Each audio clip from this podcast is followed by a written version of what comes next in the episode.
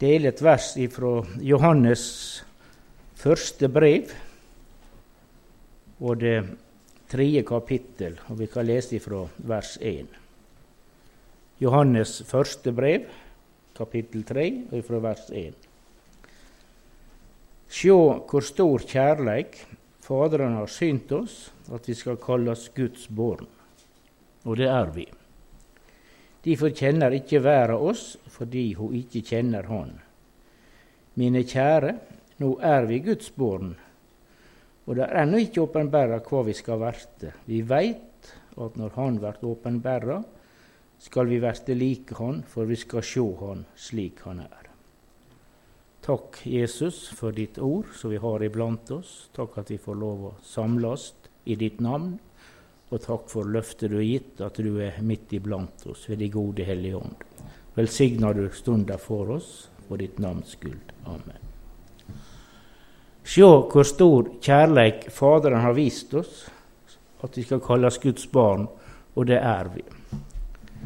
Vi veit at Bibelen han starta med at i begynnelsen skapte Gud himmel og jord. Ber ikke om unnskyldning for det eller prøver å forklare, bare slår det fast. Han baud, og det sto der. Så jo på nettet noen som viste det som en slags svamp. at dette her, Det var jo da det som var begynnelsen til menneskeheten, vår første forfedre. Jeg tenkte ja, ja, det er ikke noe som kan hjelpe for slekta si, men jeg tror nå, sånn som det står, at Gud skapte himmel og jord. Han baud, og det sto der. Og det er jo klart det er bare den som er guddommelig, som kan gjøre noe sånt. Og det er bare den som er guddommelig, som kan ha det på den måten. Jeg tenker, Om jeg skulle ha det så enkelt at jeg bare baud, og det sto der, så hadde jeg kommet til å drukne aldeles i rusk og rask. Det, jo, det blir jo nok, selv om jeg skal, skal kjempe for alt en skal anskaffe, så blir jo det fullt overalt allikevel. Men, men Gud han baud, og det sto der. Og så står det at det han holdt på i seks dager, og den sjuende hvilte han. Og toppen på skaperverket det var da La oss gjøre mennesket i, i vårt bilde, sa Gud. Først så står det bare at Gud skapte, men så når han skulle skape mennesket, da samtalte han. La oss gjøre mennesket. Da var det Faderen, nei, Fader Gud, Gud Fader, Guds Sønn, og Gud Den hellige ånd. Faderen, Sønnen og Ånden. De ble enige om å skape mennesket. Og Adam han levde jo der i, i Edens hage og hadde et nær og åpent forhold med Gud. Han snakka til noe som vi snakker til hverandre. Og så var det når, når synda kom inn og fallet var en realitet, da talte ikke Gud med, men da talte han til. Han talte til, til slangen og sa at eh, vi skal sette fiendskap mellom, mellom deg og, og kvinnens ett, og kvinnens ett skal knuse ditt hode. Jeg kunne tenke Hvis det var skikk og bruk han skulle henvende seg til mannen, men han talte til kvinnen. Det var hennes slekt. Altså en som skulle bli født av ei kvinne. Han skulle i tidens fylde da knuse slangens hode. Det var en profeti, første profetien som var kommet. Det var profetien om, eh, om Jesus som skulle fødes inn i slekta. Og Det var en god profeti. og Du som har fått profetiens gave, du skal ta vare på den. Du skal ikke forakte nådegaven. Du skal ikke, skal ikke forsømme det, men det skal være i funksjon for at menigheten skal bli oppbygd. Men når Gud og Adam og Eva de så plutselig at de var nakne, og de prøvde jo da å, å, å, å dekke seg med noe blad men det var ikke godt nok. Så, så Gud som hadde talt, og det stod der, da stod det at Gud han gjorde skinnkjortler. Det var akkurat som Gud måtte brette opp armene og bruke hendene. Han gjorde skinnkjortler og kledde Adam og Eva med. Og For den som er oppvokst for gard, så vet du skal du lage en skinnkjortel, da må du slakte et dyr. Så der slakta Gud et dyr og så ble blod utgitt.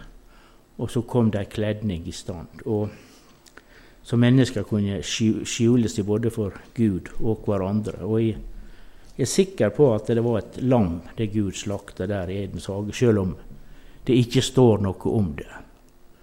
Men det ble utgitt blod, og seinere så, så, kom jo disse her gammeltestamentlige ofringene. De ofra blod, ofra dyr, og, og det er utgitt blod. For uten blod blir utgitt, så skjer ikke det forlating for synd. Så det, ble, det var flere da, eh, ofringer så det ble, eh, ja, det var sett i ordna gudstjenesteforhold, dette her med ofringene. Og det, alt dette her da pekte jo da fram på Guds fullkomne offerlam. Jesus som skulle fødes inn i slekta. Han skulle fødes for å gi sitt liv som en soning for all verdens synd. Og Det var jo det de var inne på Kefas. Det står i Johannes evangelium, det ellevte kapittel, Johannes 11. Ypperste presten Peter som snakket om Jesus. Let vi han holde fram såleis, vil alle tru på han, så kjem romerne og tek både den heilage staden vårt og folket vårt. Men ein av dei, Keifas, han som var ypperste prest året, sa til dei, de skjønner ingenting. De tenker heller ikke på at det gagnar dykk at ett menneske dør for folket, og ikke heile folket går til grunne. Dette sa han ikke av seg sjøl, men av det han var øverste prest det året, taler han profetisk om at Jesus skulle dø for folket, og ikke bare for folket, men òg for å samle til ett de Guds barn som er spredde ikring. Står han talte profetisk uten at han var klar over det sjøl. Han var neppe håndstøpt, kan jeg tenke meg. Men altså, han fikk ord som ble lagt i hans munn om at det var bedre at Jesus døde, så ikke hele folket skulle gå til grunne. Og, og Jesus, han, Det var jo nettopp derfor Jesus kom, for å gi sitt liv. Og for å gi ei fullkommen forløsning, ei fullkommen frelse. Han kom for å søke og frelse det som var fortapt, og han kan fullkomment frelse alle de som kommer til Gud ved Han. Så, så i tidens fylde, står det, så kom Jesus. Og derfor er det en kan proklamere og ta til seg dette ordet om at vi er Guds barn. Frelst av nåde ved Jesu blod. Og dette her da kan en leve i hele livet. Og når tida kommer, så kan en dø på det er trygg i Jesu armer, født på ny til et levende håp. Det, ikke, det var, fallet var så stort, og skillet mellom Gud og menneske var så stort at det, det nytter ikke å prøve å forbedre forholdet, men jeg måtte bli født på ny. Det var det Jesus snakket med Nikodemus, at du må fødes på ny. Og er ikke du født på ny, så kan ikke du se Guds rike. Men en blir født på ny og blir et Guds barn. Jesus han sa det jo veldig alvorlig til de skriftlærde og fariseerne. Dere har djevelen til far, sa han. Altså et menneske, enten er det et Guds barn, eller så er det et djevelens barn. Det er, det er ikke sånn mellomstille. det er ikke slik en kan holde til begge sider. Enten så er en i Guds rike, eller så er en utenfor Guds rike. Den som har Sønnen, han har livet. Og den som ikke har Jesus, over han blir Guds vrede. Og Bibelen taler om, om to utganger på dette livet. At det er en himmel å vinne og en fortapelse å unnfly. Men fra Guds side så er frelse ordna fullkommen. Se hvor stor kjærleik Faderen har vist oss, at vi, er, at vi kan kalles Guds barn. Og det er vi. En kan jo kalles i mange ting, men det er ikke sikkert en er det. Men her står det at vi, vi er Guds barn. Og, og dette her det er jo gitt mange eksempel gjennom Skrifta. i Det gamle testamentet som viste framover mot Jesus skulle komme. Og i Det nye testamentet der de forkynte evangeliet, og folk opplevde frelse. Peter forkynte på pinsedag om frelse Jesus. Så, så dette her har virka hele tida. Gjennom hele historien så har dette vært holdt fram. Det er mennesker som har opplevd Guds kraft gjennom å tro på, på Ordet. Og hele Bibelen den kretser egentlig om Jesus. Og da kan jeg tenke at Saken er jo veldig grei når dette her ligger så klart og tydelig, men, men vi har en fiende som står oss imot. Han starta sin gjerning blant mennesker med å spørre har Gud virkelig sagt. Og han har ikke forandra så mye på programmet. Har Gud virkelig sagt? Så det er liksom så tvil og forvirring og, og forførelse. Jesus han sa jo at det er uråd, annet enn at forførelser skal komme. Det er ikke at det kanskje kan komme, men det skal bli forførelse. Og det skal bli stor forførelse i, den siste tid. Og Jesus advarte jo mot må ikke noe la dere føre vill om noe sier 'her er Messias' eller 'der er Messias'. For falske Messias skal stå fram. Men vi får lov å holde oss til Guds ord. Og så, men likevel så, så Djevelen han prater jo og det var En som var på fredsbyrået og sa han preiker, men han preiker aldri til frelse. Og En kan oppleve anslag og anfektelser, og, og får han oss til å, å tvile på, på, frelsen. Da detter jo grunnlaget ut under alt vi skal prøve å styre med. Så Derfor kan du oppleve du får så gloende piler han sender inn. Og, og, det er jo å så tvil om Guds ord. Og Der å tvile det en, kan jo være en alvorlig sak. Frank Mangs han skrev om at han var I en konferanse en gang så kom det en predikant og ville snakke med henne. Og Det han hadde på hjertet, det var at han, han var tenkt å slutte som predikant. Og ja, Hvorfor det? Nei, han, han, trodde egentlig ikke lenger på det evangelium han forkynte, og da var det vel mest reelt, realt å, å slutte som forkynner. Og det var jo mange enige om da. Men så spør han det var noe som var skjedd siden han mista trua. Ja, han var en plass i en menighet og virka, og der ble han så dårlig behandla at han, han begynte å tvile på at de folka der, de, de var ikke frelst. Og Så gikk det en stund, så begynte han å tvile på at han, han sjøl heller var ikke frelst. Og så baller dette her på seg, for han har, har sluppet tvilen til. Og vi har, har en fiende også som ligger og kjører inn seg pilene. Vi vet Den hellige ånd hun taler jo til oss. Hvis, og hvis det er ting i livet vårt som ikke er rett, så kan Den hellige ånd da minne oss om det ting. Men, men, men når det så, du, du kanskje tenker er det, en, er det Den hellige ånd som taler til meg, eller er det en anfektelse jeg er utsatt for? Så er det jo så veldig enkelt, egentlig. For, for djevelen han bare anfekter og forklarer hvor elendig det står til med det. Og kanskje du også kan være enige med det. Men, men altså hvis Den hellige ånd taler til dem, så er ikke det for å verken gi deg ris eller ros, men det er for å vise din sanne tilstand. Og, hvis det er tilstanden ikke er bra, så vil Den hellige ånd alltid vise det til Golgata. Før vi atter til Golgata. Djevelen han vil bare sorre og, og, og, prøve å holde de forvirra, at det er ikke så bra. og Kanskje du har falt ut av nåden, men han, han har ikke noen løsning. Han bare lager et problem og forsterker problemet. Men men hvis du har et problem, så vil Gud ved Den hellige ånd vise det løsninga. Og løsninga er alltid Golgata. En fullkommen frelse har vi i Jesus Kristus.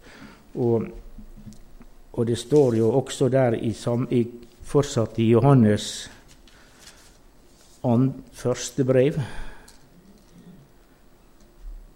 og det er det vers 5. Dette har jeg skrevet til dykk så de skal vite de har evig liv, de som tror på Guds sønns navn. Altså det er skrevet for at en skal vite at en har evig liv. En kan jo kjenne det godt en frelst i perioder, andre perioder kjenne det mindre bra, og andre perioder kjenne ingenting.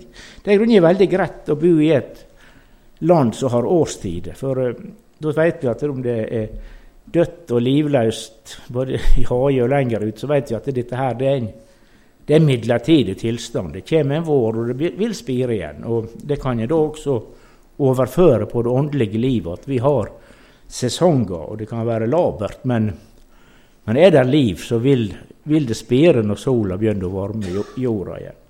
Så hele frelsen den er blitt ordna skriftlig, synger vi en sang. Og, og vi har fått en skriftlig kontrakt ifra Gud. At det er skrevet til oss. Dette her var skrevet i den tida Johannes levde. Det var begynte å snike seg mye vranglære, og en måtte ta et oppgjør. Men det gjelder også alle de som har levd fra Johannes tid og fram til i dag. At det er skrevet til oss for at vi skal vite vi har evig liv i Jesus Kristus. Altså det, det som vi veit når det gjelder åndelige, det er det som står i Bibelen. Ikke hva vi føler eller kjenner eller antar, men, men, men det vi har det skriftlige. Det er hele summen av Guds ord er sannhet.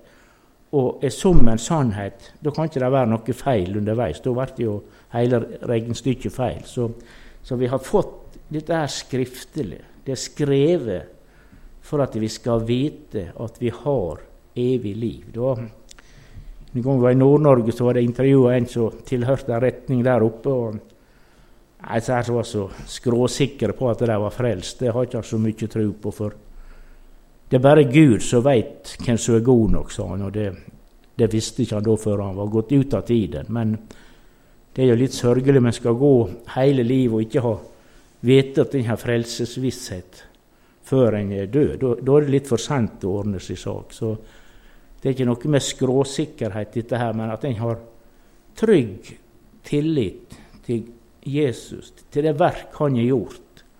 Det er et fullkomment verk. Det var en som skulle ha seg en snekker en gang, og så stolte ikke altså, Han var ikke helt trygg på den snekkeren. Så, så ja, det blir nå vel i vater, det du holder på med. Å ja, sa det det blir mer enn i vater. Så det var ikke noen grunn til å tvile på han. Men, men vi har slett ikke noen grunn til å tvile på Jesus. Og jeg har sagt det både synd og skam også å tvile på det verket som, som Jesus har gjort, at ikke det er godt nok. Men vi står jo i denne her eh, pilregnet fra den onde. Det, det, skal ikke vi, det, skal ikke vi, det må være klar over. En som søkte forbønn, han var så anfekta av djevelens angrep. og sånn, Så han, han bad om at han måtte be for ham, at han ble kvitt djevelen og alt hans velde. og han predikanten som skulle be, han ba hendene på ham og sa 'Kjære Gud, du ser broderen her, vær så snill og la han få dø og komme hjem til himmelen'. Så, Nei, det, det, var ikke det som var mitt bønnebegjær, sa han. Nei, sa han, du, du, du, kan ikke regne med å bli kvitt djevelen før du er kommet ut av tiden. Han vil, han vil alltid hekte seg på Guds folk og den som vil stå for, for Guds ord. Og vi merker vel trykket, kanskje spesielt nå i denne tida, at, det, at det alt som har vært lært før, det blir sett spørsmålstegn ved. Og alt, alt, flyter, men Guds faste grunnvoll står og har dette tegn. Herren kjenner sine, og den som nevner Herrens navn, skal holde seg fra urettferdighet. Men vi veit, vi veit for det er skrevet at vi skal vite at vi er Guds barn. Og Derfor så kan vi leve frimodig, og når den dagen kommer, så kan vi ha frimodighet også innenfor døden. Jeg bruker å si det sånn når Gud har ordna med livet, så vil Han også ordne med døden. Så vi, vi skal hvile dette her at vi har det skriftlige. Og det er det som står i Bibelen som er sant. Og når det står det at den som har tatt imot Jesus og latt seg frelse, han er fullkomment frelst, han er et Guds barn, da skal vi, vi, vi skal stille vårt hjerte i ro til dette her. Jeg, var, jeg fikk dette ordet til møte her, og jeg tror kanskje en kvant så, så kjemper en kamp her. Kanskje ikke du har frimodighet en gang til å nevne noe, at du, du sliter med dette her med frelsesvisshet egentlig, men du skal ta imot ordet, du skal tro det, og du skal bekjenne det både for deg sjøl og for Gud og eventuelle andre makter som er til stede. At Jesu Guds sønns blod det renser fra all synd. Og det er jo folk som har gått hele livet og nesten gått på tomgang for at det var feiltrinn eller ting som ble gjort i ungdommen, så de greide liksom aldri å på en måte legge bak seg. Men det står det om noen synder. Da har vi en talsmann hos Faderen. Og det, det, står der i Bibelen, for at det er nødvendig det skal stå der. Om noen synder, så har vi en talsmann, og han taler vår sak. Og blodet det taler vår sak i dag for Faderens åsyn. Amen.